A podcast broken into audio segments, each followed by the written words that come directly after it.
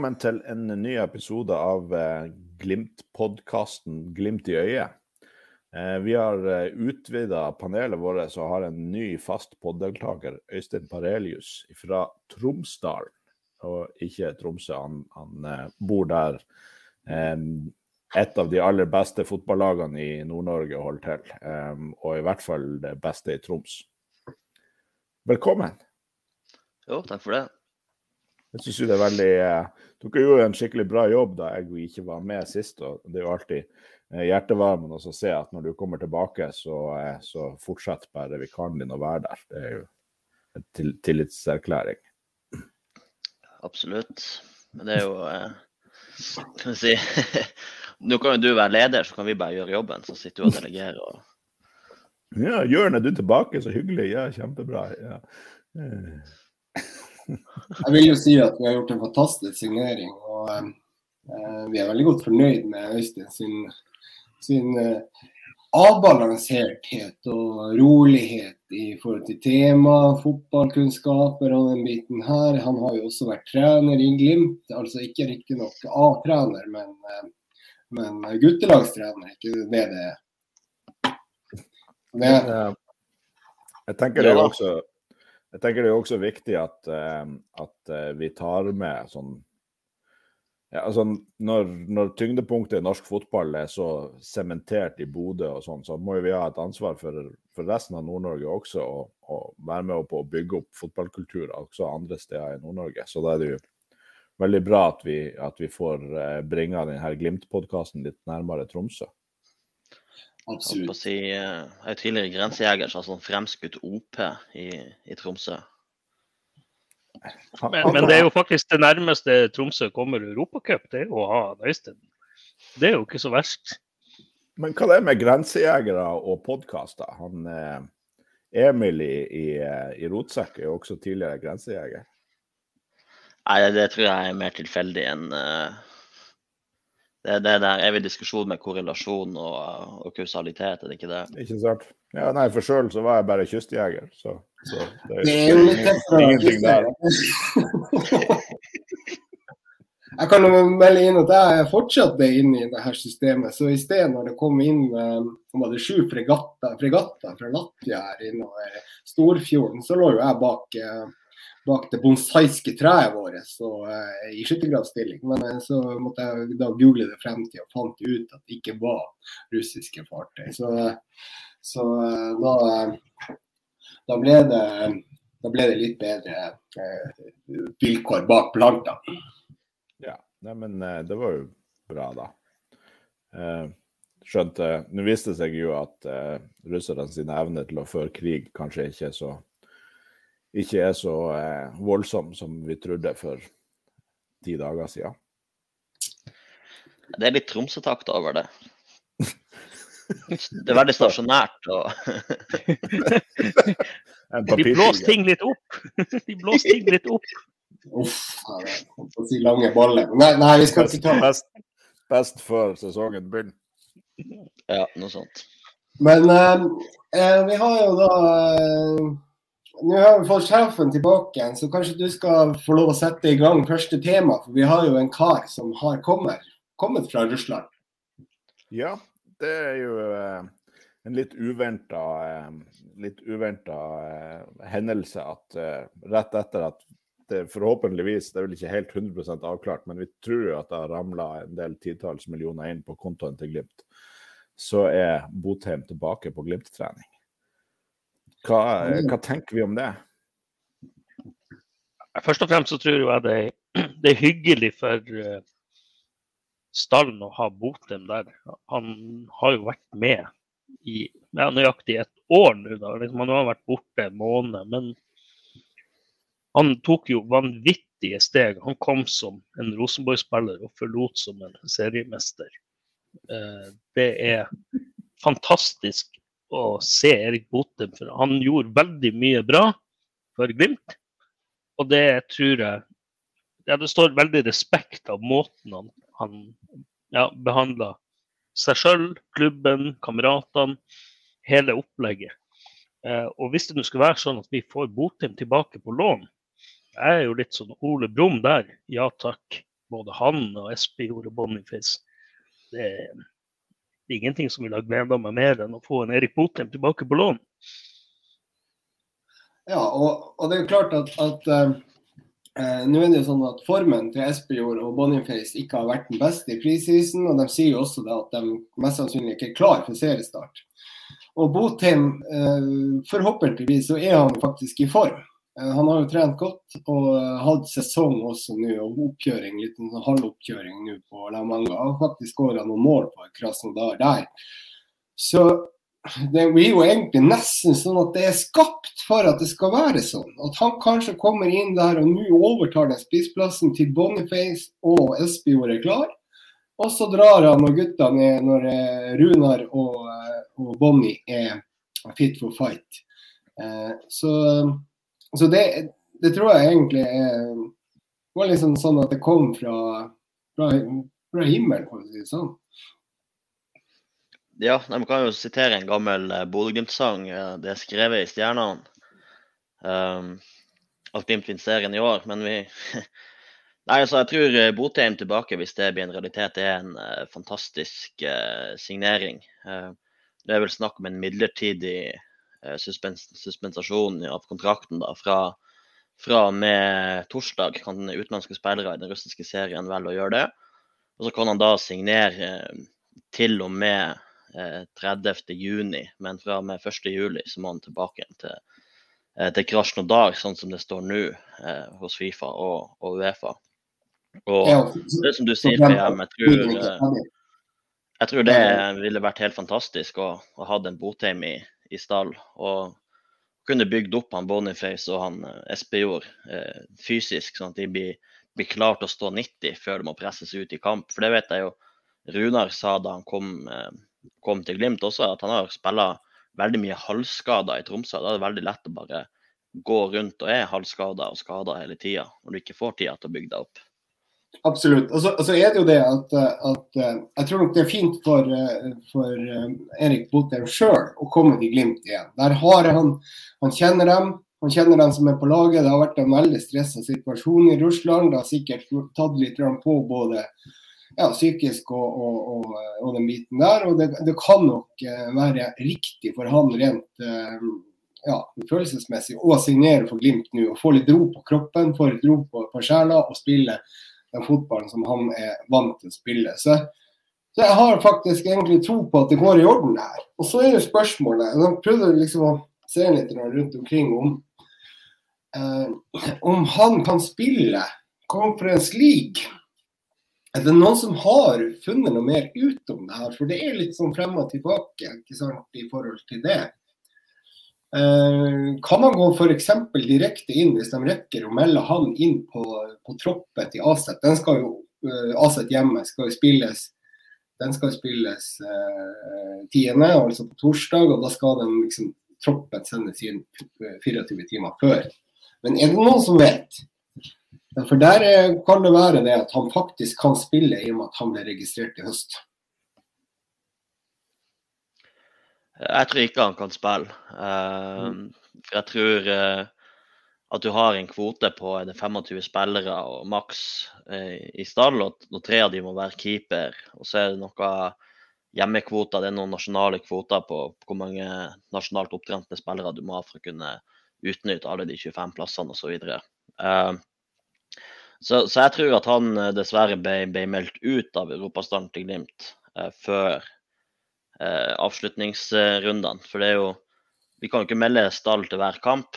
De, vi måtte melde ny europastall eh, før sluttspillet. Og, den, og den fristen er som sagt gått ut før kampen mot Celtic. Ja, nei, og det, Jeg tror nok du har rett der, Øystein, men så er jo dette en, en litt sånn unik situasjon. Eh, så det er jo litt hva gjør Uefa med dette? Eh, det vil jo være i deres interesse at de spillerne kanskje får matching, men hva vet jeg. Nei, tror, må, der tror jeg vi bare må belage oss på og så se hva juristene i Uefa De er nok neppe de enkleste å ha med å gjøre, hva de finner ut. Ja, nei, altså, sant, altså, det er jo I utgangspunktet så var det sånn at vi, måtte, vi kunne melde inn tre mann. Og så melder du da mest sannsynlig ut tre mann. Eh, de tre mennene vi meldte inn, var jo Jeff, det var eh, Espejord og det var Bryce. Eh, men vi kunne ikke melde inn de seks, altså alle seks som vi har signert til nå. Anders Konradsen kan ikke spille Europa League, nei, Conference League. Det kan heller ikke Vetti, og det kan heller ikke Sjøvold, og det kan ikke han godeste Amundsen som kommer fra Tromsø, heller gjøre. Men da er det jo akkurat, akkurat det som er spørsmålet det, det, jeg tror kanskje det kan være, være, interessant for Glimt å i hvert fall sjekke det. For det at, og det gjør de jo garantert. Så, så da er det noe det. Det er, jo det er et godt poeng det her med at det er en ekstraordinær situasjon. Og det kan jo være at de lager en eller annen eh, en, en unntak fra regelen for de som kommer fra, fra Russland og, og sånn. Det er jo i hvert fall interessant å undersøke. Det kanskje ikke rekker å få det på plass til torsdag, men det er jo en kamp til ei uke senere. Men jeg tenker uavhengig av det, så er det jo Altså, vi har to spisser som kanskje fortsatt ikke klarer 90 minutter. Eh, sånn at eh, om de klarer å bedekke den plassen eh, i løpet av de to europacupkampene, så er det jo fint at vi har kanskje en spiss til når serien kommer i gang. Eh, og vi er jo videre i cupen også, så eh, så det kan du eh, komme godt med. Ja. Men eh, altså, han skal i utgangspunktet tilbake om seks måneder, men vi har jo lært eh, de siste par ukene at det er veldig vanskelig å vite hvordan verden ser ut om kun kort tid. Så, så det er jo umulig å vite om det er en serie som foregår i Russland om, om seks måneder, eller om det er i hele tatt en del av det internasjonale økonomiske systemet, da, om de har penger å betale lønn, eller, eller hva som skjer da. Så jeg tenker Uansett så er det jo veldig positivt at han eh, velger å komme til Bodø og trene, og, og, virker å være interessert i å knytte seg til Glimt i den situasjonen som vi er i nå. Jo da, men så tror jeg det at eh, han, eh, han, ser at Glimt kanskje har den beste treningshverdagen av de norske klubbene. Det høyeste nivået, så det er jo, det er jo ikke unaturlig det at han kommer tilbake å, til, til, den beste treningshverdagen. Det ville jo tror jeg vi alle ville ha gjort hvis vi hadde vært i Botum sine sko. Hvorfor skal han stå og trå luft nede i, i Oslo hos Vålerenga eller noen Sarpsborg eller Rosenborg, noen sånn middelhavsfarere? Ja, eller, eller, eller, en klubb som kan gi, dem, gi ham ganske mye penger på lån, f.eks. hvis vi snakker Nederland, eller andre steder. Så tror jeg, i hvert fall som jeg tror, at han velger Glimt pga. det trygge og det eh, at han har faktisk eh, ikke så lang tid han skal være her heller, i utgangspunktet. Så, så det, jeg tror ikke det blir et sånn økonomisk eh, perspektiv på det her for. Men det er bare mine antakelser. Men eh, ja, altså han, han kommer inn, og, og, vi snakker jo om det. Det er jo klart at vi, altså vi har vi går kanskje, Før Botheim kommer, så går vi inn i denne sesongen med bedre dekning på spissplass enn eh, noen gang jeg kan huske. Altså, Kasper Junker ble jo knallbra, det visste vi ikke på forhånd. Men, men likevel, vi har to klassespisser og så en i reserve. Og nå får vi kanskje en, en klassespiss til som vi vet leverte varene i fjor. Mm. Blir det for topptungt? Ja, det, det, interessante spørsmålet da er jo hva, hva skjer med Lasse Nordås eh, hvis Botheim kommer inn eh, første halvdel av sesongen. Eh, da vil jo jeg tenke at det er nærliggende å tro at han blir å gå på lån. For eh, ikke noe vondt om Lasse Nordås, jeg tror han kan bli en kjempegod spiss, men han er ikke noen vingspiller. Eh, der han ble dytta ut i fjor. Vi hadde en del skadeproblematikk. Eh, så, så, jeg tror det blir for mye med fire spisser. og da må, da en ut på lån, og da tror jeg det er han, Lasse Nordås. Ja, da kan jo Molde låne han. De mangler jo spiss. Ikke Ålesund har de stall? Ja, Ålesund, ja, men de hadde stall i dag. Det, det hadde de. Så de stilte ja, ganske kult på lag. Det gikk bra i dag. Tross alt mer, mer, mer når de skal spille obligatoriske kamper de sliter med stall. Ja, det, det, er da de sliter med stall. Det... Nei, men Han kan jo være en bra lånespiss for Jerv eller et uh, annet lag som uh, mangler noe på topp. Ja. Det, jeg, jeg, tror det også er ganske sannsynlig at det blir det. Men sant, altså, det er jo ikke, det er ikke egentlig på spissplassen som dere sier at vi har problemer. For det er jo klart at i form av det her systemet til Uefa, eh, at vi ikke kunne melde inn mer enn tre spillere, så har vi jo et, faktisk et stort problem på midtbanen. Og der er det jo per nå det er bare tre mann som er skadefri, som er i den europatroppen. Og det er eh, han godeste faktisk Vetlesen, som kom seg fint fra den ankelovertråkken sin. Og så er det Ulrik Saltnes, og så er det jo da eh, vår gode venn Elias Hagen, eh, som er skadefri. Eh, og de andre to som er meldt inn i troppen som midtbanespillere, er jo da Sondre Fett. Han er ikke klar. Og i tillegg så er heller ikke eh, Morten Konradsen klar. Han, Ifølge Avisa Nordland i dag så var det strekk på han. Og det vet vi at han kan sitte litt i. Så han er nok ikke klar til den, den eh, kampen mot Aset på torsdag. Det er jo kjipt at det ikke er mer brødrelikhet, for da kunne jo han eh, Anders ha spilt med trøya til han Morten. Ja. Det, det, det, hadde noen merka det. Det er jo akkurat det. Kanskje vi skal gjøre det. Jeg vet jo det at uh, jeg har jo Jeg kjenner et tvillingpar, og det var bare han ene som tok lappen. Han andre gjorde ja, det. er jo økonomisk. ja, det er veldig økonomisk. Kjetil Knutsen kasta telefonen i veggen, for nå avslørte vi hele planen hans. Ja. ja nei, eh, med, min, med, mindre både han uh, Håkon Evjen og han, han der Vitry og han Fredrik Mitsjø er er litt lojal mot norsk fotball, så tror jeg kanskje de hadde lagt merke til det, de òg. Men hva dere tenker om eh, Sett at vi får en av de tre skadene nå på, på, torsdagen. Hva, hva, gjør vi med returoppgjøret da? Hvem andre i stallen kan bekle en midtbanerolle godt? Det blir stille her. Nei, altså det, det, er jo en krisesituasjon sånn sett. Jeg vet ikke, Kanskje vi kan ha Samstedt på midtbanen. Altså, for der har vi jo god dekning på høyrebekk. Hva du sier Bjørn Nei, eh, jeg tror det mest nærliggende da er jo at eh, hvis eh, Jeff er klar, eh, at han eventuelt går inn da i en, en, eh, på en midtbane. Han, eh, han har fart, han har tempo, men Samtidig så tror jeg det er positivt at Morten Konradsen skal være klar til returoppgjøret. Det, jeg tror på Aspmyra der skal vi dominere såpass mye at uh, det skal ikke være noe problem for midtbanen å stå. Uh, fulle 90, kanskje man gjør et bytte på Saltnes uh, eventuelt. Jeg så på, på, slutten av kampen på Aspmyra mot Celtic, så kom jo han Joel Mvuka inn på, som indreløper slår selvfølgelig en horribel tversoverpasning som holder på å føre til, til mål imot. Men uh, er det en spiller dere ser for dere kunne, kunne kledd en indreløperposisjon i, i nøden? Jeg synes jo eh, På det her tidspunktet han kom inn, så var jeg jo ihjelfrossen eh, og satt på det feltet og hadde knapt puls. Men, men, men det, det, lille jeg så av han, så syns jeg faktisk at han tok mer for seg og spilte med mer selvtillit enn de gangene han har kommet inn på kanten.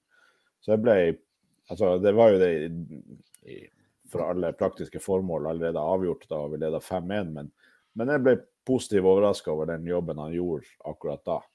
Eh, men det er jo på indreløperplassen. Altså, hvis vi tenker defensiv midtbane, eh, Marius Høybråten, kunne han ha gjort en jobb der? Ja, det, det, men der tror jeg Jeff hadde vært eh, det beste alternativet på defensiv midtbane uansett. Men jeg tror ikke vi skal begynne å tulle for mye med det. Men når det gjelder eh, Mbuka, så var han jo særdeles uheldig med motspillere da på, eh, på Aspmyra. Han møtte jo Zorro McGregor, han som spilte med maske. Og det er jo ikke akkurat den du har mest lyst til å møte når du er såpass lett og, og liten som MVUka. Så det, det, det, det blir Eh, det blir kanskje litt urettferdig å bruke den Celtic-matchen som et målepunkt. Eh, de er jo litt lettere, de guttene fra Nederland. Eh, så det kan jo være det. Men samtidig så er det jo det at det er en viss fare for at det her også, i og med at det har stått i Avisa Nordland Hvis ikke det hadde stått i Avisa Nordland, så tror jeg vi hadde tort å snakke om det. For det er klart at, at Eh, da vil jo ryktene gå eh, til Aset at hvis vi takler litt hardt og tar et gult kort der tidlig i kampen, så kanskje vi kan eh, ja, få, få ødelagt litt av strukturen til Bodø-Glimt allerede på hjemmebane. Og da er, det jo, da er jo Ulrik og, og, og Vetlesen og, og, og, Hagen ganske utsatt i forhold til det. Så bare håper at hvis man skal takle at de bommer og bare står fast i kunstgresset og, og trør over og får ja, men, men vi, det er egentlig en veldig god Segway til at vi sklir litt over i neste tema. Du sier at eh, Aset Alkmaar de er litt lettere og litt annet å møte, i, i hvert fall enn McGregor. Hva, hva, kan vi si om Aset og nederlandsk fotball, og hvordan skiller det seg fra de andre lagene vi har møtt så langt i Conference League? Ja, vi har jo Aset Eh, et, et, godt lag. Eh, den nederlandske ligaen er nok bedre enn en den skotske. Eh, Aset har jo vært en utfordrer til de tre store lagene i Nederland. Så det er, det er, et godt lag, men samtidig har de jo en forretningsmodell som sier de skal satse ungt. De skal videreutvikle og selge spillere. Det er jo en sånn type klubb Aset er. så de holdt jo faktisk på å ta seriegull eh, i 2020. Eh, da ble de eh, A-poeng med Ajax, men eh, sesongen ble jo delvis eh, avslutta pga. covid og lockdown der. De hadde de lik poengsum, men de tapte vel på målforskjell. Eh, det er et spennende lag, det er ikke noe tvil om det. Det er mye ungt, mye landslagsspillere. Men eh, ja, de har jo en solid stamme. De har spilt relativt bra, eh, men samtidig så er det jo Når man begynner å se litt uten at vi kjenner nederlandsk fotball så veldig godt, så er det jo noen ting Det virker som at det er et lag som tilpasser seg motstanden veldig mye. Eh, ikke nødvendigvis et lag som skal dominere fotballkamper, men det blir veldig spennende å se hvordan de kommer ut på Aspmyra.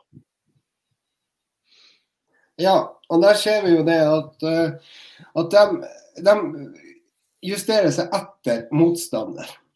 Vi har sett litt på, eh, på, de siste kampene de har spilt. Eller eh, ja, vi var litt tilbake igjen og så litt på oppstillingene der. Og da det, varierer det mellom 4-3-3, 4-2-3-1 og 4-4-2. Alt ettersom hvordan type motstander de har. Eh, det som vi kanskje tror at de kommer med på Aspmyra, vil jo være at de prøver å ta ut uh, indreløperne våre, altså Saltnes og, og, og, og Vetlesen. også legge, og legge seg med en toer der foran den forsvarsfireren, og så eventuelt også da eh, også en kar på Hagen. Så de tar ut midtbanen vår ganske så greit. Og så satser på kontringer. Og der har de jo noen spillere som, som er ganske OK på vingen. Skal vi se her eh, Jeg skulle bare finne frem den. Det var jo han Vingen, han svenske Vingen. Skal vi se, vent litt. Hvis du leter fram det, så må jeg bare ja. si at jeg det er litt vanskelig å respektere sånne lag som driver og tilpasser seg motstanderen hele tida. Det her må jo ordne seg. Ja, ja, men det er jo, det er jo klart. Altså, eh, Venstrevingen deres det er Jesper Karlsson. Ifølge vår statistikk, jeg tror det er fra æresdivisjonen, og da har han skåra 13 mål på 25 kamper. Han har også spilt alle kampene. Og så er det jo da spissen deres, som heter Pavlidis. Han har ti mål. Uh, og, uh, og han, uh, han, han, spiller også de fleste kampene. Og så er det jo Danny Divitt som spiller en sånn type tierrolle, som ligger bak, som ligger på sju mål. Eh, og så er det jo da en som har spilt litt mye, eller en del av kampene i det siste, det er høyreving Albert Gudmundsson, som har fire mål. Håkon Evjen har ikke kommet inn i det laget, her, men har oppført med 13 kamper. Eh, men det vi ser, det er jo det at de spiller stort sett med 14 mann. Det er 14 mann de bruker, men i ulike posisjoner i forhold til det her med å tilpasse seg motstander. Så uh, hvis jeg skal tippe, så kommer de ut med en 4-2-3-1-formasjon med litt sånn uh, Den treeren altså Hvis vi skal si det, angrepstreeren som, som, er bak spissen, litt bredt. Så jeg tror de blir, vil kontre på oss. Uh, og så er de ikke så opptatt av å holde i ball. Det fant vi også ut. De har en uh, ca. 50% ballinnehav hver kamp. Så Det betyr det også at de er Og, de kampene vinner de stort sett. De, de, er ikke de er ikke sånn som Glimt, at de kommer til å holde i kula hele tiden. Eh, og Det ser vi både på hjem- og bortebane. Så, så, det er jo det man liksom har klart å finne ut om, om Aset. Eh, hva vi tror de kommer med. Ja. Ja, eh, Aset også har noen eh, gamle kjenninger for de som har Nå skal jeg si at jeg, jeg er så gammel akkurat, men eh, du har jo bl.a. En, eh, en Bruno Martins Indis, eh, som har en del landskamper for, for Nederlands 34, tror jeg. Og har også vært i Porto og Stoke. Eh, så har du en, eh, en Jordi Klasi, eller Klasi, eller hvordan det uttales. Han har vel også en 17-18 landskamper for, for Nederland. Eh, tidligere vært i, i Feyenoord. Og så har vi jo en del norske kjenninger, sånn som han tidligere Rosenborg-rejecten. Han spiller vel bare i, i akademiet til Rosenborg før han gikk til, til Ranheim, men eh, Aslak Wittry, er ikke det han heter? Aslak von Wittry. Han spiller høyreback, men har spilt venstreback nå de siste kampene. Har gjort fem kamper i, i Conference League, ser jeg. Um, men jeg satt og så litt på gruppespillet, hvem det er de spiller mot i gruppespillet i, i Conference League. Og det, det, skremmer meg ikke veldig, altså. For det, det er Randers, eller Randers FC i, fra Danmark. Og så har du FK Jablonec og CFR Cluj.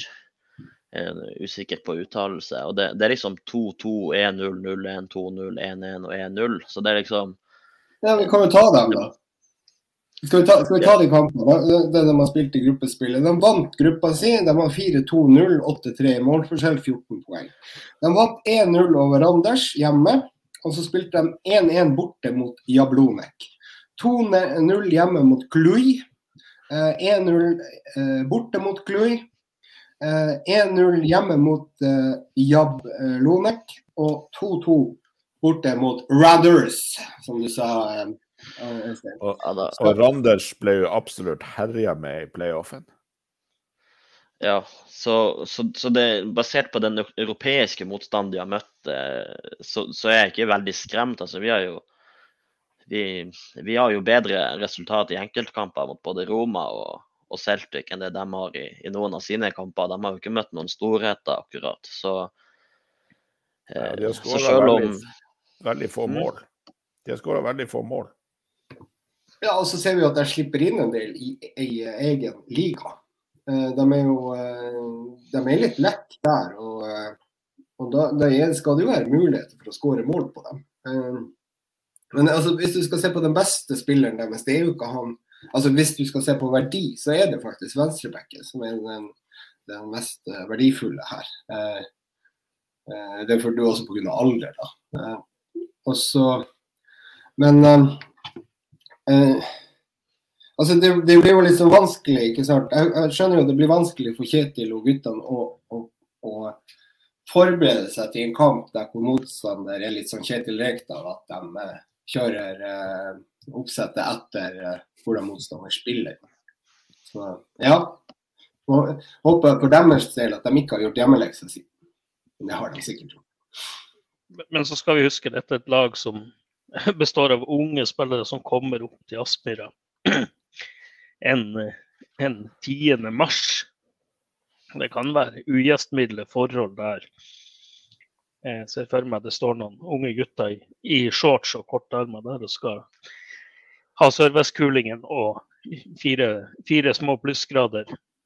Eh, de blir frossen der, da. Eh, det tror jeg kan være en fordel. Men jeg tror Glimt kommer til å gå inn for å dominere på hjemmebane. Jeg tror det er helt rett at de kommer nok til å satse på kontring i en 4-2-3-1. Eh, men så er det litt sånn mål for ja, mål preger nok kamper. Det tror jeg vi fort kan se her. Det kan bli enten veldig tight, eller så kan det bli åpent. Jeg tror hvis Glimt leder eh, får 2-0, så må, må de kanskje frem. Og da blir det kanskje mer åpning. Og vi skal ikke glemme at Glimt er et godt kontringslag i Europa. Vi har X-faktor så det rekker i Ola Solbakken. Mm. Men det er jo også det, utfordringa er jo det at vi kanskje ikke har den farta som vi hadde i fjor i, i, bak. Eh, I hvert fall altså, hvis du tenker på midtstoppere. Nå, jeg vil jo bare tippe, nå vet vi jo ikke, men at f.eks. han Karlsson der, eh, at han er, at han er ganske kjapp. Eh, og, ja, det er jo bare antagelse, for vi har jo ikke sett det. Det er jo litt irriterende. Men, eh, men da er det jo litt viktig å holde igjen også, at man, ikke, at man er klar over at de kommer til å dundre på med kontringer når de får muligheter. For det ser jo det at, at de faktisk eh, når de, eh, ikke, når de vinner f.eks. 4-1, så har de eh, faktisk undertall i ballbeskyttelse mot eh, enkelte lag i, i æresdivisjonen. Er det noen så, som vet noe om deres erfaring med kunstgress? Altså, Nederland, Nederland fant jo opp kunstgresset. Men det er ikke noen kunstgresslag i æresdivisjonen? er det? Nei, det er kanskje ikke det. Eh, men uh, trener dem kanskje på kunstgress. Fordi at første gang jeg møtte en nederlender Og da får vi dra, får vi dra det i Vadsø igjen. Det var på Polarsletta en gang, en gang på 90-tallet, jeg tror det var i 96 at de la kunstgress der. Og det var nederlendere som kom og la det kunstgresset der. Og da uh, lærte vi litt nederlandsk, og vi var og hjalp dem litt. Fikk, fikk tjent inn noen, noen timer der. Men men det var nederlenderne. Så de bør jo ha litt befatning med kunstgress. Mm. Og det er bare antagelser igjen. Ja, de får i hvert fall befatning med det på torsdag. På godt og vondt. Men det her bør jo eh, Altså, jeg var mer skeptisk eh, Men det er jo litt farlig. Jeg er mer skeptisk for, eh, for Celtic-kampene enn, enn det nå. Det kan jo være at det gjør at vi får oss en på trynet. Ja, nei, jeg, er litt sånn spent sjøl, for, for, jeg er veldig usikker på nivået til den, til den nederlandske ligaen. Vi vet jo at Ajax er, er bra, og det, det, er jo ikke så lenge siden de var i en semifinale i Champions League og en uh, finale i Europa League.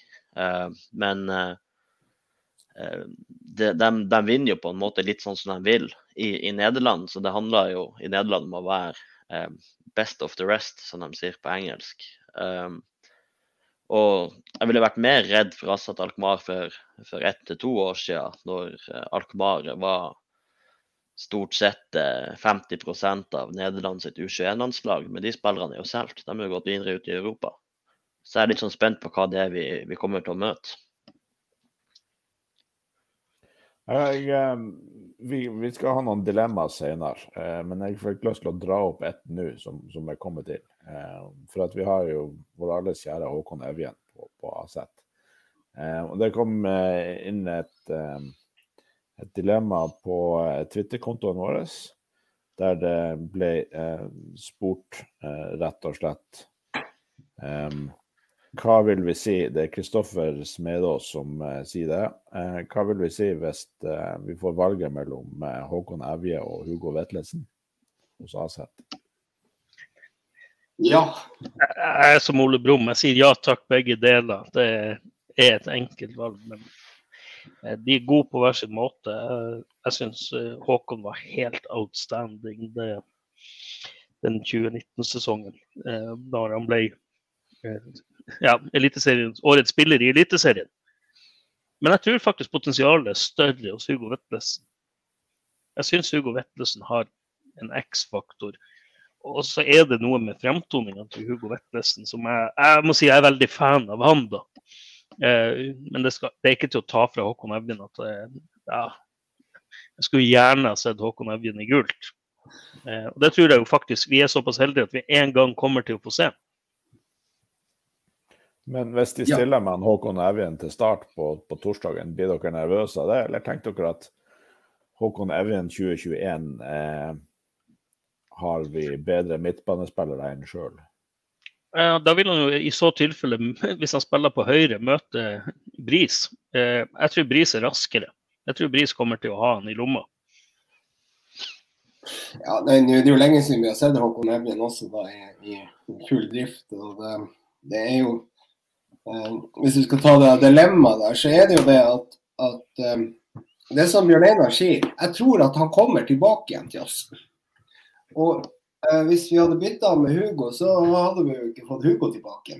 Så jeg tror faktisk jeg velger å beholde Hugo, hvis, hvis de skal stille det spørsmålet direkte. Så kan vi på Håkon neste år. Eller eventuelt i sommeren. Og så kan han spille høyre ving når Solbakken blir solgt. Ja. ja. Nei, jeg, jeg, signerte jo faktisk Håkon Evjen for 100 og noe millioner til, tilbake til Bodø-Glimt på Football Manager 22 her i romjula. Eh, men, eh, men, jeg tror det her blir litt sånn som når, eh, når barndomskjæresten som du var i lag med i første og andre klassen, kommer tilbake midt i 20-årene og spør du skal ikke prøve på nytt igjen. Så, så det, fotball er ferskvare, for å sitere en kjent svenske. Du vet, du vet, på en måte hva du har Gran Hugo. Så, så vel å bli stående på denne, denne sida av gjerdet, jeg også Stå, står man Hugo. Og det, det, det, er ikke for å ta ifra han Håkon noe, han var helt fenomenal og, i, i 2019-sesongen, som sagt. Og var kanskje min favorittspiller den sesongen. Men, uh, men, jeg, men jeg blir glad i han Hugo også, på en merksnodig måte.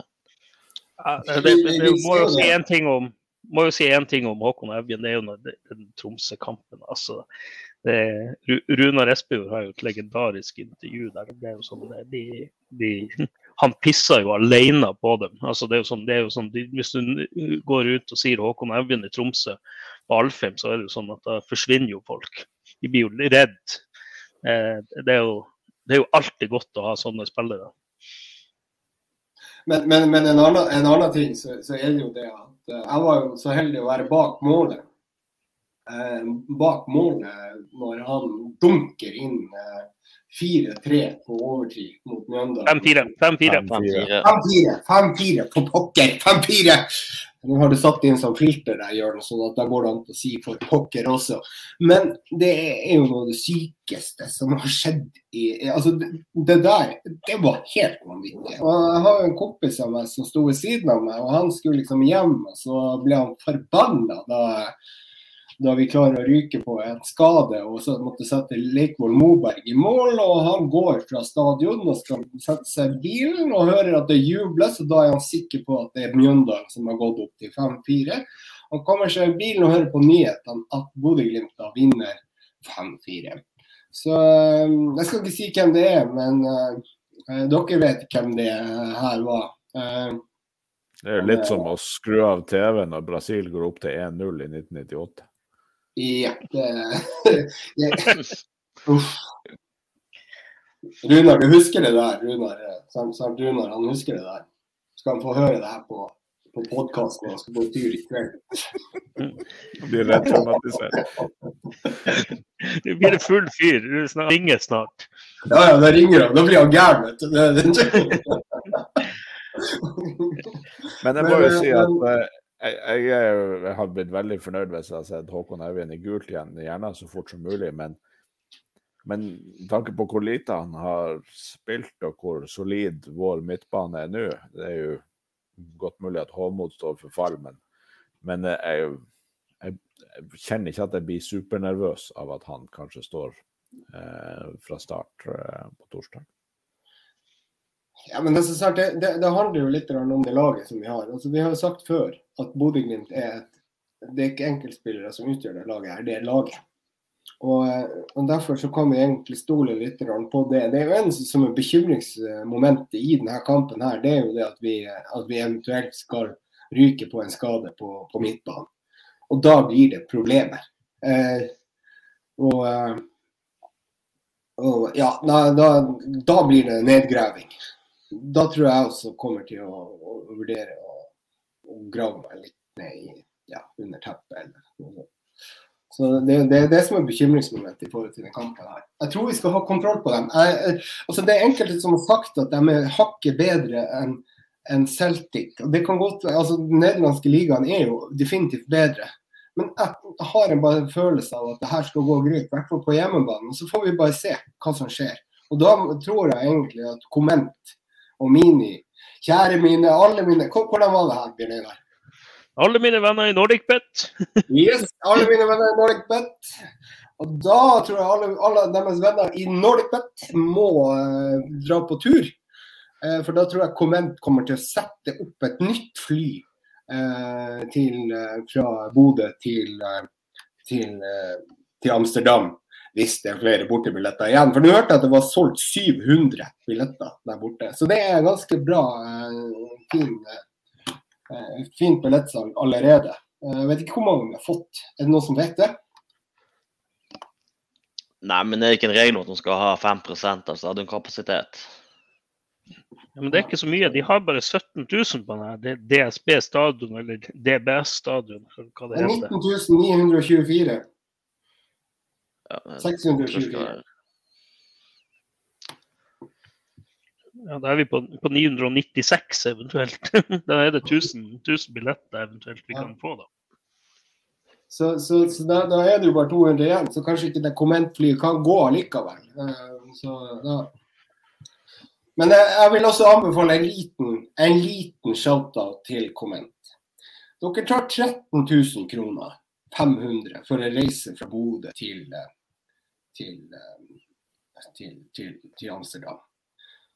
Jørn, er det en pris som, som, som er godt nok for en hverdagslig fotballsupporter? Du er jo innenfor bransjen.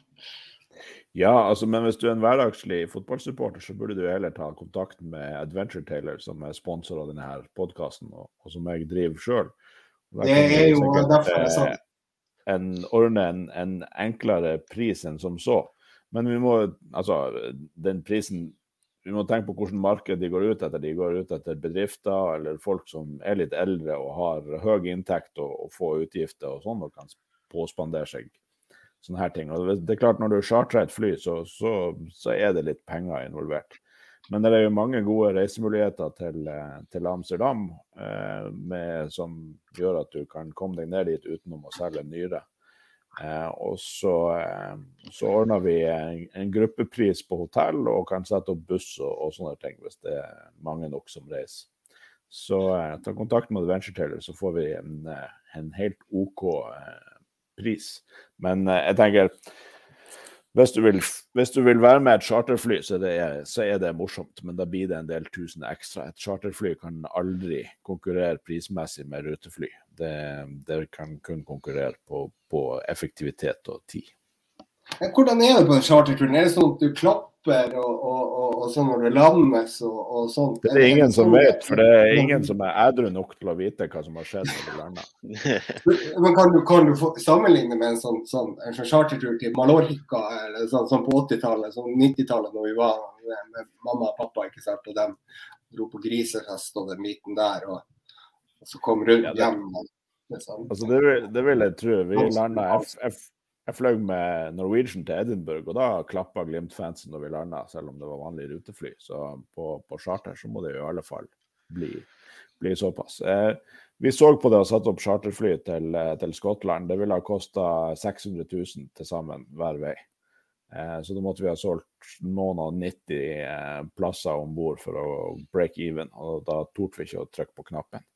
Men ja, så det, så det, er jo litt penger involvert. Det ville jo vært eh, en, en, konkurransedyktig pris i forhold til andre aktører. Men, eh, men skottene hadde vel tre charterfly som kom til Bodø i forbindelse med kampen i Bodø, minst.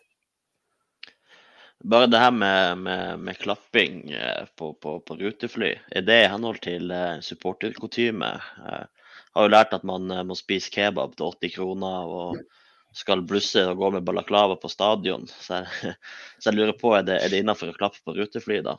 Nei, du skal jo ikke ta rutefly, du skal jo selvfølgelig ta tog eller hest eller noe sånt. Så, men, eh, men, det er klart, altså alle som er alle Glimt-fans vil jo, eh, hvis eh, andre har fått det som de vil, sitte i supporterkonsentrasjonsleir for alle bruddene vi har gjort på de internasjonale supporterreglene. Ja, det er jo enorme overtramp. Det var jo det var mye styr. Eh det var i hvert fall en Hardrock kafé at det var spist biff der. Så det var, det var, jo helt borti natta. Det var jo denne kebab. Men nå så jeg det at han hadde fått mageproblemer etter at han spiste litt for mye kebab. Han som skrev om det. Så, men, eh, men, men altså, det, det var kanskje prisen du må betale for å spise eh, kebab til 80 kroner før du skal se kamp. Hvis du ser fotball hver dag, så blir det jo blir, blir tungt. Ja, ja, nei, uh, men tilbake til det. Aset og nivået der, da, så er det jo sånn at Celtic slo de jo ut av kvalifiseringa til eh, Europaligaen. Der gikk de jo på et lite tap hjemme, nei, borte. Eh, Celtic vant 2-0 eh, på Celtic Park, og så vant Aset 2-1 hjemme. Nå riktignok dette i august, og Aset har jo en vanvittig streak. Det er jo lenge siden de tapte. Jeg tror, ikke, jeg tror de er ubeseira siden november i hjemlig liga. Eh, så de, de, har gjort det bra den siste tida, men det vet vi jo hva det betyr. Ja. ja, altså Celtic var jo i mye dårligere form på det tidspunktet enn de var i hvert fall i de kampene de har spilt opp mot da de møtte oss. Det er et veldig godt poeng. Mm. Så uh, Oi, den, den, den, den, var jo veldig fin, akkurat den der. der. Og det er jo klart at uh, Men hvis du ser på de seirene de har hatt også i hjemlig serie, så er det jo sånn Det er ikke, ikke, det er en 4-1-seier der. Også, en, men ikke med en sånn voldsomt ballover og sjansemessig overtak. Uh, så, så, det er klart at, at, at, at jeg tror ikke jeg, jeg blir veldig optimistisk nå. Ikke sant? Nå har vi sittet sammen en del, en del, en del uh, poeng her. og Uten å ha hatt tilgang til Wisecout, så, så, tror jeg faktisk at vi skal ha gode muligheter uh, på, på, torsdag.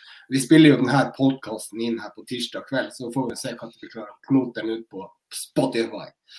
Spotify har litt problemer eh, i dag. Har vært, Spotify har vært nede. Det fikk jeg smertelig erfare når jeg skulle ta meg en liten løpetur. og Der fikk jeg lagt den selvskryten inn. Eh, Løpetur men, uten musikk, det er jo, det er jo, ja, det er jo brudd på menneskerettigheter. Ja, det, det, jeg kjører sånn, eh, sånn som de eh, Det skal liksom være kjipest mulig, da. Liksom ha det helt jævlig. Eh, men, eh, men jeg var jo veldig positiv til Aset og håpa vi skulle få Aset. Og det er fordi at jeg tror det passer Glimt å få en motstander som ikke nødvendigvis spiller så fysisk. Eh, jeg tror ikke Aset er et fysisk lag. Eh, jeg tror det er et lag vi kan dominere, rett og slett. Eh, jeg trodde jo Celtic skulle være mye mer fysisk ut ifra det lille jeg hadde sett av Celtic før før vi møtte dem. Og det, det overrasker jo meg liksom at de ikke klarte å henge med. Og det tror jeg Med en optimal oppladning så tror jeg vi kan ta det. Jeg tror vi kan overraske Europa nok en gang.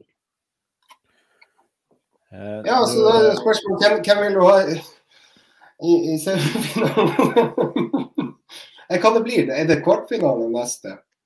Ja. Kvartfinale. Da kan vi ta Roma igjen. Jeg vil gjerne ha Mourinho opp i ja, nei, altså, og, og, da er, var det jo sånn at jeg var så litt på den terminlista. Det er jo et helvete for uh, Nå får man lov å si det ordet, for du har satt på den der uh, disclaimeren, uh, Jørn. Uh, ja, er ja, takk. Og, og, og, da er det jo sånn at, at, vi skal spille eventuelt en Hvis vi går videre mot Aset, nå skal ikke vi si at vi gjør det, men hvis vi gjør det, så skal vi spille da den neste runde 7. april. Og da begynner det her opplegget med NFF og, og, og EM. Eh, ikke det kolliderer ikke med noe annet greier her. Var ikke det sånn det var? Jeg tror det kolliderer med, med cup i Norge. Ja, men det er jo bra planlagt. Det er ti ja. poeng til NFF. Det Er, men eh, nå har jo ikke de fått øvd seg noe på hvordan de skal håndtere noe sånt der, så da må de vel finne det ut på sparket når vi kommer dit. Nå ser jeg at ja. uh, Parelius, du driver og, og googler. Jeg sitter febrilsk og, og googler her, men vi men det var 7. april så sa, vi skal jo møte Sandefjord 9. Uh, og så er det vel noe cupoppgjør inni her, og så tror jeg det er det ikke satt opp serierunde også 25. mai. Det er jo samme dag som finalen i Triana, er det ikke det? Så, så, det er klart det er, det er mye walkover her som må, må, legges inn av forbundet for å kunne være med i Europa. Oi, det skal, se, det skal, koke godt på sosiale medier hvis vi går videre igjen. Så, nei da, men jeg tror, jeg tror jo at, at, at vi, vi, kanskje etter hvert klarer å komme oss inn i en stil der hvor vi må begynne å spille søndag torsdag, søndag, torsdag, søndag, torsdag, søndag, torsdag. Sånn som vi gjorde i hele høst. Og Det er jo litt viktig å poengtere at vi gjorde det i, i høst, og at det klarte jo f.eks. ikke Rosenborg å gjøre når, når de sendte Brann ned. Så det, det, er jo et veldig viktig aspekt som vi hadde oppe i den cupfadese-episoden. Men det er litt viktig å ta det på nytt igjen. sånn at, at de kommer seg ned fra den høye hesten sin i, i uh, Rosenkamp, som vi nå må kalle dem. Ja. Nei, vi, vi, spilte jo mye Altså vi spilte jo stort sett to, uker, nei, to, to kamper hver uke i hele høst. og Da var vi Eliteseriens beste lag og ubeseira i Conference League. Uh, ja. så, så, det er ikke noe problem for Glimt å spille to kamper i uka. Det handler bare litt om uh, å være i sesong og ikke i sesong og være fysisk klar for å gjøre det. Ja, jeg tror vi har snakka nok om det. Jeg tror ikke vi skal begynne med det. Men, uh, men allikevel, hvorfor sa Rosenkamp? Er det noen som tar den referansen? Ja, de skal jo hente Obo-seriens beste spiller, Christian Eriksen, fra HamKam. Ja, ikke nok med det at de henta trenere, nå har de henta tredje-fjerde spilleren egentlig som skulle dit. De kan jo bare snart flytte ned til Hamar der. De, de gjør jo alt det samme, så det, de satser jo på å bli best i Obos-ligaen om et par år. Ja, Basert på oppmøtet i fjor høst, det er plass til alle tilskuerne fra Lerkendal på Briskeby også. Selv om de har revet en tribune? Selv om det er en tribune. Ja. Nei, men altså, herregud, HamKam er jo stakkars. Altså, her var det så mye optimisme. ikke sant? Rykka opp og Kjetil Rekdal i full fyr og flamme der og faktisk presterer og alt det her. Geir Frigård ligner på Sigurd Russfeldt, ikke sant. Alle sammen. Og, sagt, og ligner, på, på Sigurd Russfeldt, så, så, ser det bra ut. Uh, og, og, og da, da, da, er det jo optimisme. I tillegg så hadde de jo da en full stadion som var faktisk dekt uh, i alle hjørner, nesten. Og så må de rive tribunen, og så mister de eh, trenerteamet. Og i tillegg da eh, må selge han Sam. Sam. Og, eh, og, i tillegg så, så blir de også selge eh, Kanskje. Nei, jeg tror ikke de gjør det. Jeg tror siste var at vi nekter å selge fra, fra Bent Svele, var ikke det? Jo, men også skal du huske han den, eh, han den fyren de henta fra Argentina som går rundt med sånn lapp jeg så på Twitter der det sto uh, play ball, og så sto det liksom på spansk der. Så jeg har jo lyst til at noen skal bytte det her ut. Så hvis en liten oppfordring, hvis vi har noen Glimt-spillere, så kan du gå og ha det litt morsomt. Det er sånn fuck you, det kan bety pass the ball. Eller når du er på corner, liksom, du står og roper et eller annet eh, stygt til dommeren, sånn at de får noe En sånn ordentlig practical joke. Ja. ja, men det er godt poeng. Det tror jeg vi må få til. Vi har jo noen kreative sjeler i i Trøndelag. Det var vel noen som hadde vært og hentet opp et bilde der på brakka. Bilde av Kjetil Knutsen, var ikke det? Med Kongens nei, ja. Det var vel Kongens nei, ja. ja det var det det var. Ja, det var Kongens nei. Men dere vet jo at skjebnen vil jo ha det til at hvis de henter halve HamKam, så kommer de til å tape mot HamKam i Eliteserien. Ja. Ja, men det, det, det, det vil vel altså, det, det er som sagt eh, Rosenborg har jo vunnet da mot Byåsen. og og, og sitt, sitt, andre lag, eller internkampen. Det var det de har gjort i, i, eh, i denne sesongen. Men en annen, en annen lag som jeg har lyst til å ta før vi går over på neste tema, og det er jo da eh, Molde. Det ser unektelig bra ut. Selv om at de vi, vi bruker jo å slå Ålesund 6-1, 7-0 og sånne ting. Men men de har hatt et veldig bra prissist. Jeg er litt bekymra. Hva dere tenker Litt på sparket. Ja, men det spørs. Jeg har ikke sett Molde, men spiller Eikrem? Ja, han spiller i en, ja. i en sånn type tierrolle. Ja, men da, Molde med Eikrem er et bra lag. Molde uten Eikrem er et ordinært lag. Eikrem spilte 60 eh, tett på 60% av antall spilleminutter i fjor og året før. Og det som du ser med en gang de mister han, eh, det blir et annet lag. Det, det blir, de faller i nivå. Eh, men ja, det resultatene uten at jeg har sett det, ser unektelig bra ut. Det ser ut som de har Molde kan bli ganske tøff å håndteres. Nå har jeg to siste resultatene til Molde i hodet, og det er 5-0 over eh, berømte da, eh, HamKam. Eh, og ikke Rosenkam, men HamKam. Og og så er det jo da 6-1 over Ålesund i dagens kamp. så, så, så, det ser jo eh, det, det, det kommer til å bli knallhard i år. Og jeg tror, eh, jeg tror det, det kan bli tøft for oss å, å, å, å ta det tredje på rad. Tipper at Ålesund angrer på at de møtte opp. De ville jo få et bedre resultat hvis de ikke stiller. Ja, og det, men, og det, det, er et vesentlig men der med Molde. Det er også det at de skal ut i en europakvalik. Og det, det, gjør noe med det. Og det han, si, han, han Mo, Asbjørnsen og Mo, han har eh, rullert mye. Det virker som tidligere sesonger at de har mista en del av rytmen når han har gjort det de to siste årene. Og når de da skal ut i Europa, det er en ting å se bra ut i preseason, men det er når det begynner å tetnes til og du må rullere, eller eventuelt bli tvunget til, til å rullere. Sånn som hvis Eikrem, eller når Eikrem blir skada, eh, eller må hviles. Men ja, Molde er nok eh, en av favorittene til å ta det i år. Også rent statistisk med tanke på det at det er vanskelig å vinne serien tre år på rappen. Det er ikke så veldig mange andre som virker kjempeskumle. Ja, men altså, sant, du har nå Viking med Berisha, selv om de har solgt han eh, Joe Bell, så er det jo så er det jo et bra lag. Og da, da var det også en litt sånn uh, Jeg kom over noe i lokalavisa fra Molde, og der var det jo det at de var beredt på å smelle Hold dere fast, 25 millioner kroner i bordet for om Berisha. Uh, så der, jeg vet ikke om det, det er kanskje blitt litt kaldt nå, jeg har ikke hørt noe mer om det der.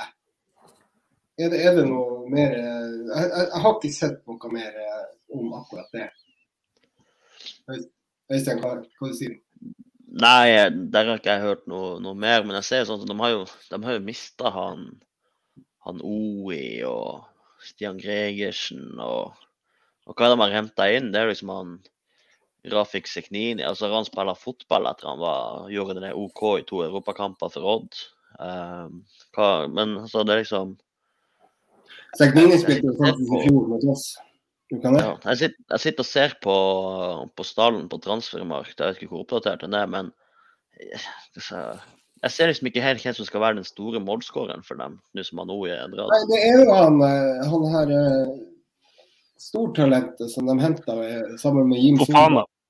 Fofana, Fofana ja på, eh, på eh, underfundig vis. Det var vel ikke alt det melet i den posen som var helt rent. Eh, det virka ikke sånn. Det hørtes veldig merkelig ut akkurat der her. Men det får så være. De finner på mye rart i Molde. Så, så, men han har jo vært sylskarp i treningskamper. Og det var han jo også for så vidt i fjor. Jeg husker jo at jeg så, og så Molde mot Glimt, og da spilte vi 1-1 mot dem i, i eh, sesongoppkjøringa i fjor. Og da var jo faen meg helt sjuk. Han var jo det. Han, han hadde jo, han jo tekniske ferdigheter som ingen andre i norsk fotball har noensinne stilt opp med. Det, det, det, det er Nei, det, må helt på, tilbake igjen til mine venner i Nordic Bet, når han hadde sin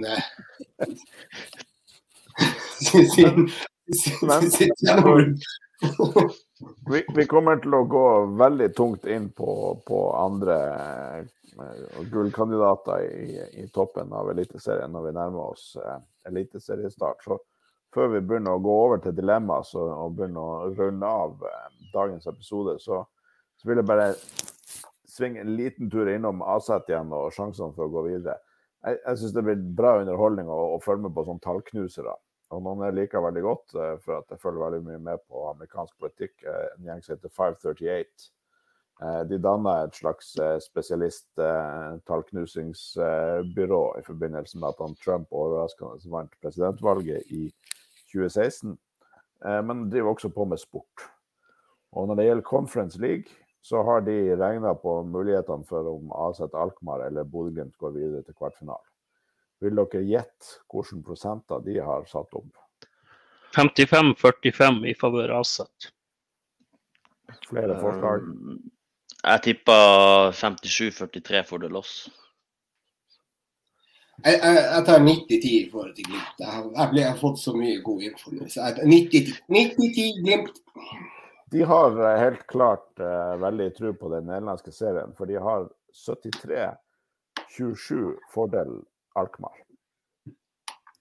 Og Alkmaar er også 10 eh, sjanse for å vinne finalen, sett i, mens Bodø-Glimt har falt ifra 2% til 1% etter at vi trakk Alkmaar. Det er faktisk bare tre lag som de regner til å ha mindre sjanse for å gå videre til neste runde, og det er Basel, Vitesse og Partisan. Mens eh, Feyenoord er den klareste favoritten. Eh, Alkmaar er nummer fire, og PSV er nummer seks. Så de har eh, helt klart tro på, på Nederland eh, der.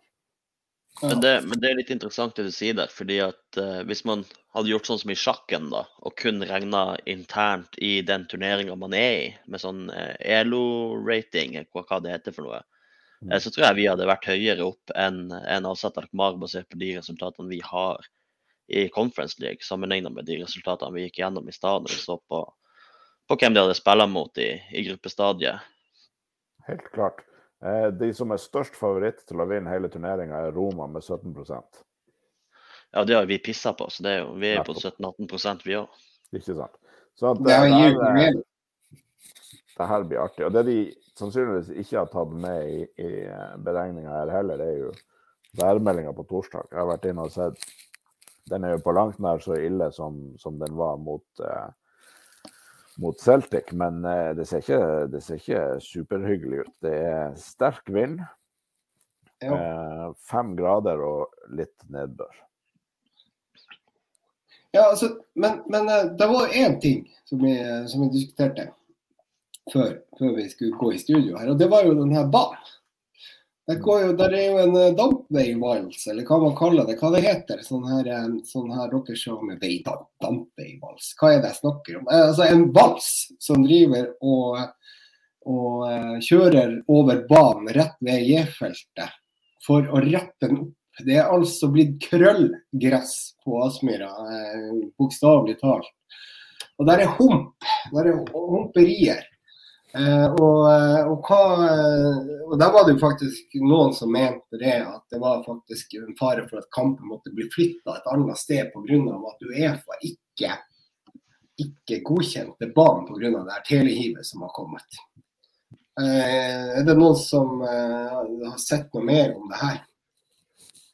Eller er det bare jeg som har observert det her? Nei, jeg så det så vidt på, på Twitter. Uh, men jeg så han, uh, han Niklas i, i, i Glimt uh, hadde kommentert Jeg tror det blir kamp på Myra. jeg tror han har har såpass koll på det som skjer internt på Aspmyra, at når han sier at det blir kamp på Myra, så tror jeg altså at det blir, det blir kamp på Myra. Ja, og da er det Børre Bulldoser som igjen redder det, Jeg regner med at det er han som også kjører den her som jeg kalte det, dampveivalsen, eller valsen. Spennende. En, en, annen, en, annen, throwback til noe vi har snakka om tidligere i dag. Eh, Pga. verdenshendelser så har vi fått Botheim tilbake på treningsfeltet. Men hva tenker dere om at, eh, at eh, det her eh, fantastiske mesterskapet som vi jo alle hadde gleda oss til i Qatar, at det nå er snakk om at kanskje Norge kommer dit fordi at Russland er kasta ut? Nei, Fifa har sagt at det er ingen som overtar plassen. Mm. Så jeg fikk nyhetsvarsel på det mens jeg var ute og sprang. så etter, Jeg måtte jo bruke en halvtime på å komme meg etterpå, så det, jeg fikk ikke lest det. Men jeg så det. Men, men jeg, jeg ser vi jo glemt en påstand, med mindre jeg har hatt et lite hjerneblødning. Så bare unnskylder det, da. Men Mats Skauge skriver at eh, Espejord og Boniface kommer til å raskt på Botheim-nivå og bli bedre enn det Botheim var i fjor. Eh, så hentes Botheim, så hindres utviklinga til de andre spissene, eh, som tross alt vært, eh, skal være i klubben også til høsten og har potensielt stor salgsverdi. Jeg har litt ja. lyst til å svare på den sjøl at salgsverdi det driter jeg i. Ja, det er hyggelig når man gjør gode salg, og det er sånn, men, men først og fremst så vil jeg se Glimt gjøre det bra. det er alltid hyggelig at Glimt gjør det bra, at Glimt gjør det bra økonomisk. Og så er det litt sånn at får vi Espejord og Boniface i toppslag, så er ikke det noe tvil om at jeg tror vi har det beste spissparet i Eliteserien. Det er min påstand til det. Eh, jeg, må si jeg liker veldig godt uh, det Espejord lille han har vist. Jeg vet ikke hva dere tenker. Ja, ja da, men det, det, det er egentlig. Det, det som jeg sa i sted. Det, er, det, blir, eh, det blir en fin overlapping for, eh, for å ikke presse de guttene som ikke er form. Uh, og, og, det er ikke verken Espejord eller Boniface hvis ikke de har fått en Ålesund-oppstandelse og plutselig er friske nok til å spille 90 minutter på to dager. Men det tror jeg ikke kommer til å skje i dette tilfellet, og at de trenger faktisk litt tid. Og det var en sånn rett og slett en åpenbaring som åpna seg for Glimt. Og jeg tror de kommer til å ta det, og jeg tror det kommer til å være smart, jeg tror det kommer til å være riktig. Jeg blir veldig overraska hvis vi ser etter sesongen og konkluderer med at eh, grunnen til at vi ikke vant seriegull, var for at vi hadde for, vel, for mange gode spisser. Ja, du kan, kan dra litt sånn tilbake igjen til 2019 på høsten, der hvor vi stilte med null spisser. Det var med Vegard Leiko Moberg som spilte spiss, og han er jo midtbanespiller. Han er jo en av verdens beste fotballspillere. Det må vi ha klart. Det klart. Men det er klart at, at han er jo ikke egentlig i utgangspunktet ikke spiss. Og så hadde vi Svea nå, da. Men eh, Eh, så, så, så, det er jo en liten utvikling i klubben siden da. Absolutt. Men eh, skal vi gå på litt dilemmas? Fyrløs. Vi eh, er jo Får jo alltid det, det, er jo sikkert som banken at vi får noen gode dilemmaer fra, fra Trøndelag. Ja, vi må jo takke for det. Det er jo den som holder den podkasten her eh, gående. Det, det, må vi jo eh, må vi takke guttene der. Eh, er det Jonas som eh, kommer nå, eller? Jonas Aune Sunde har et dilemma. Og det å eh, våkne opp mellom eh, Kent Aune og Tommy Oppdal, eller med Kari Jakkesson på armen. Det var det Kari Jakkesson igjen. Ja, hun er også en gjenganger. Øystein, din tur. Ja. Nei, altså, jeg tenker hvis, hvis, man skal ta inn for laget, så lurer jeg på hvor, hvor, hvor mye ondt kan man gjøre med Kari sånn at hun aldri mer uh, ytrer seg offentlig. Altså, bare gi henne en permanent uh, ballgag, skal jeg si. Um, men uh, men uh, jeg vet ikke om jeg er rette mann til å, til, til ta, ta, den støyten for menneskeheten, så jeg tror jeg, jeg, tror jeg velger å våkne opp mellom eh, Kent Aune og Tommy Oppdal. det må jo være bra kaffeslabberas på morgenen, det? Ja. Mye mer lyst til å snakke med de enn å diskutere eh, Syria, Ukraina og vaksine. Ja, det, det, føler jeg meg litt ferdig med. Altså, Det er kanskje feil å si at man er ferdig med det, men i hvert fall med, å, hvert fall med Kari. Det, jeg tror ikke det blir så mye diskusjon. Det, det går inn det ene øret og så rett ut det andre, for der er det full gjennomtrekk. Det er ikke grunnlaget for den gode samtalen. Nei. Men altså, jeg kan, kan, si det sånn at du har gjort veldig mye galt hvis du har, våkner opp med en Kari Jakkesson på armen. Da må du jo begynne å tenke litt. Kanskje, hva, hva, er det du holder på med i livet ditt? Da, da, da, tror jeg det, det, er verre stilt det du har gjort før, enn hva det liksom, Eller ja, det som skjer etterpå. Så, så nei, der, der, er det jo det er, ikke, det er ikke aktuelt med noe Kari. Det tror jeg ikke heller eh, kona hadde satt pris på. Eh, så, så, så det blir jo Kent. Nå har jo jeg fra før av sagt at jeg skal kline med, med Emil Almås og snusen hans istedenfor å ha covid i Molde i, i en uke. Så, så, det begynner jo å bli en rimelig god pakke her som, som skal skje når vi skal ha Det, det blir en ordentlig bromance. jeg jeg syns det, det, det, begynner å tegne seg til at vi må ha felles julebord. Ja, det, det Å, herre Jesus. Karsko. Ja, ja. Karsko sådd og Ja. ja, ja. Nei, vi får, uh, hvis vi tar på oss uh,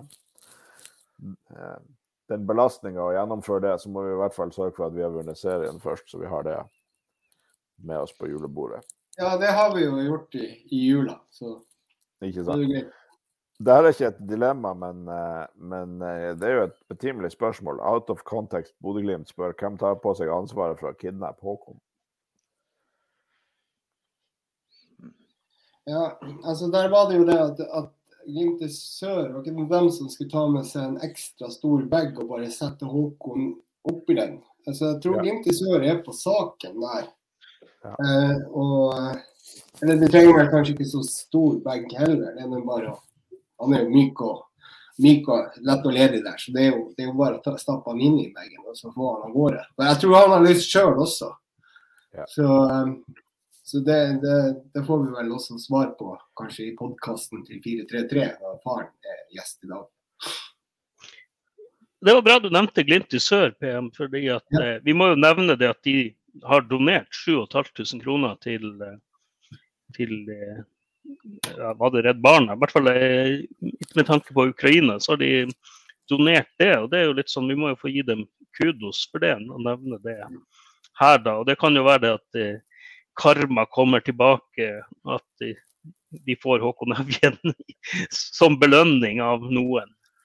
Ja, Eh, og, Også da vi gjøre vi gjør podkaster, at vi knipser litt for Glimt i sør. for eh, vi Det, det viser seg jo også det at de er et veldrevet firma, fordi at der er det jo da det er jo tatt fra overskuddet til, eh, Panten. til panten fra siste bortetur.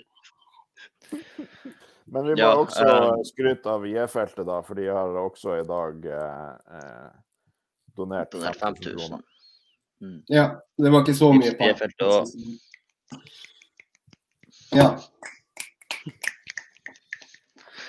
Og eh, altså, så må vi gi en applaus til J-feltet for at de i dag har klart å holde seg unna media og rakke ned på Glimt. Så det kan vi jo også eh, ta en liten shout-out på. Det, det er jo en prestasjon i seg selv.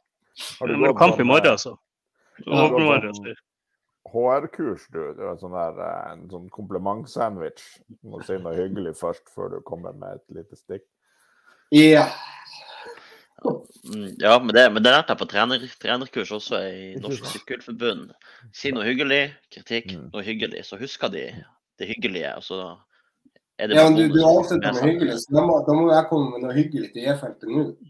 Ja, det må du. Ja, men jeg synes de, er- de, er- de er- skaper jo trøkk, og de har blitt mange.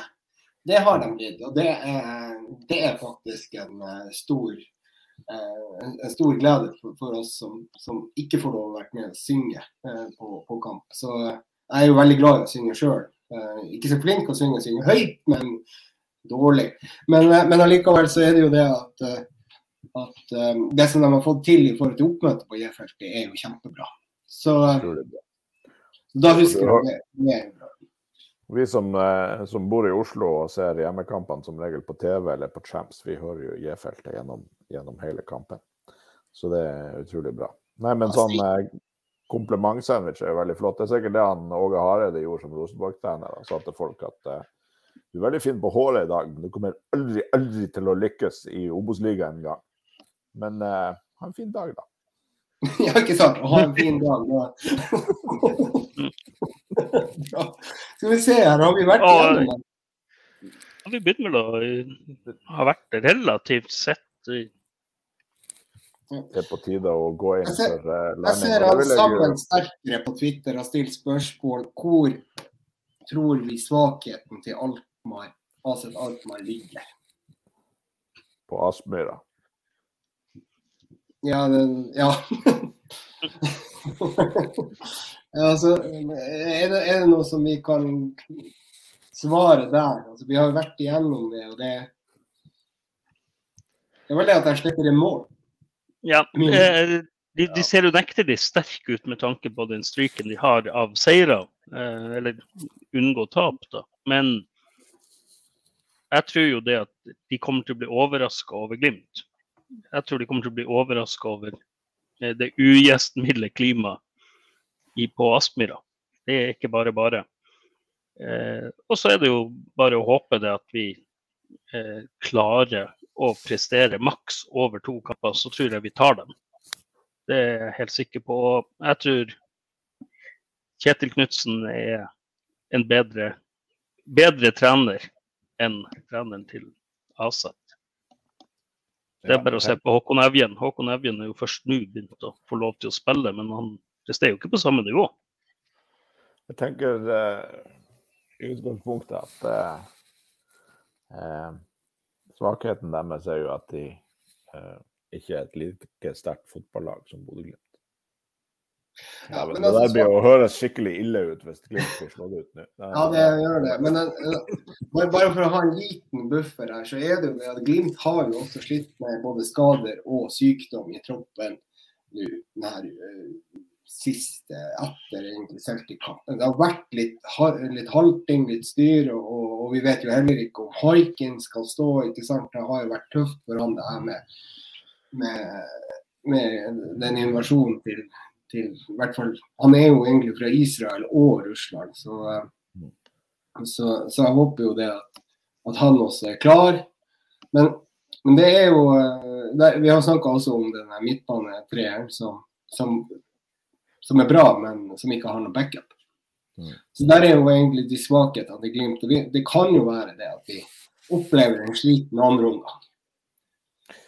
Men én ting, det er jo det at det her er bonusen. Det her er desserten vår. Det er sånn, jeg, jeg går inn til disse kampene. Ja, jeg har forhåpninger, men jeg har ingen forventninger. Jeg tror spillerne har det på samme måte. Det tror jeg ikke Asat-spillerne har. Det er forventa at de skal vinne. Ja. Og det tror jeg er litt sånn Du kan spille med lave skuldre. Det er en potensiell svakhet eh, hos Asat, tror jeg, da. Ja, Men uh, jeg vet ikke, jeg er blitt grådig. Jeg vil ha mer dessert. Jeg vil, vil absolutt ha mer. Eh, Det er aldri noe galt med en buffé. Nei, jeg var, var veldig på dessertsporet når vi skulle til Glasgow og tenkte at det her blir en flott opplevelse uansett. Og det tenker jeg for så vidt nå også, men men nå vil jeg videre. Nå, nå du- jeg at jeg har blod på tann for å kunne vinne hele greia.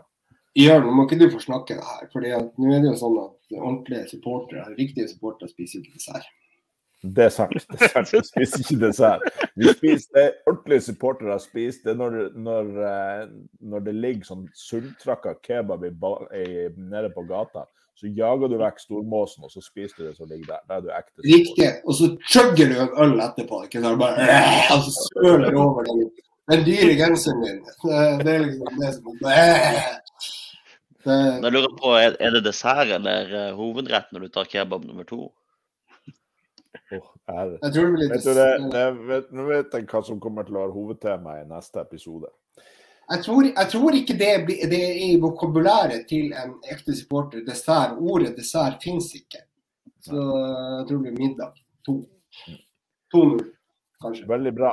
Da er det på tide å gå inn for landing. Eh, noe som eh, ikke nødvendigvis eh, historisk sett har gjort at folk har sluttet å snakke. Men, eh, men eh, vi, vi gjør et forsøk nå og sier takk for i dag. Takk for at dere hørte på. Eh, takk for eh, strålende deltakelse i panelet, og for at vi nå er blitt fire. Eh, og takk til Webium som hjelper oss med produksjonen av denne podkasten. De kan du ta kontakt med hvis du trenger hjelp med video eller lyd eller nettside eller grafikk eller lignende. Og takk til Adventure Taylor, som du tar kontakt med hvis du vil ha et uh, helt OK priser hotellrom og en tur på det nasjonale bilmuseet i Alkmaar. Ja, og at du syns at dine mine venner i Nordic Bet eh, er litt dyr. det, det får være dine ord, men uh, ja. All right. Ha det godt. Ha det. Ha det godt.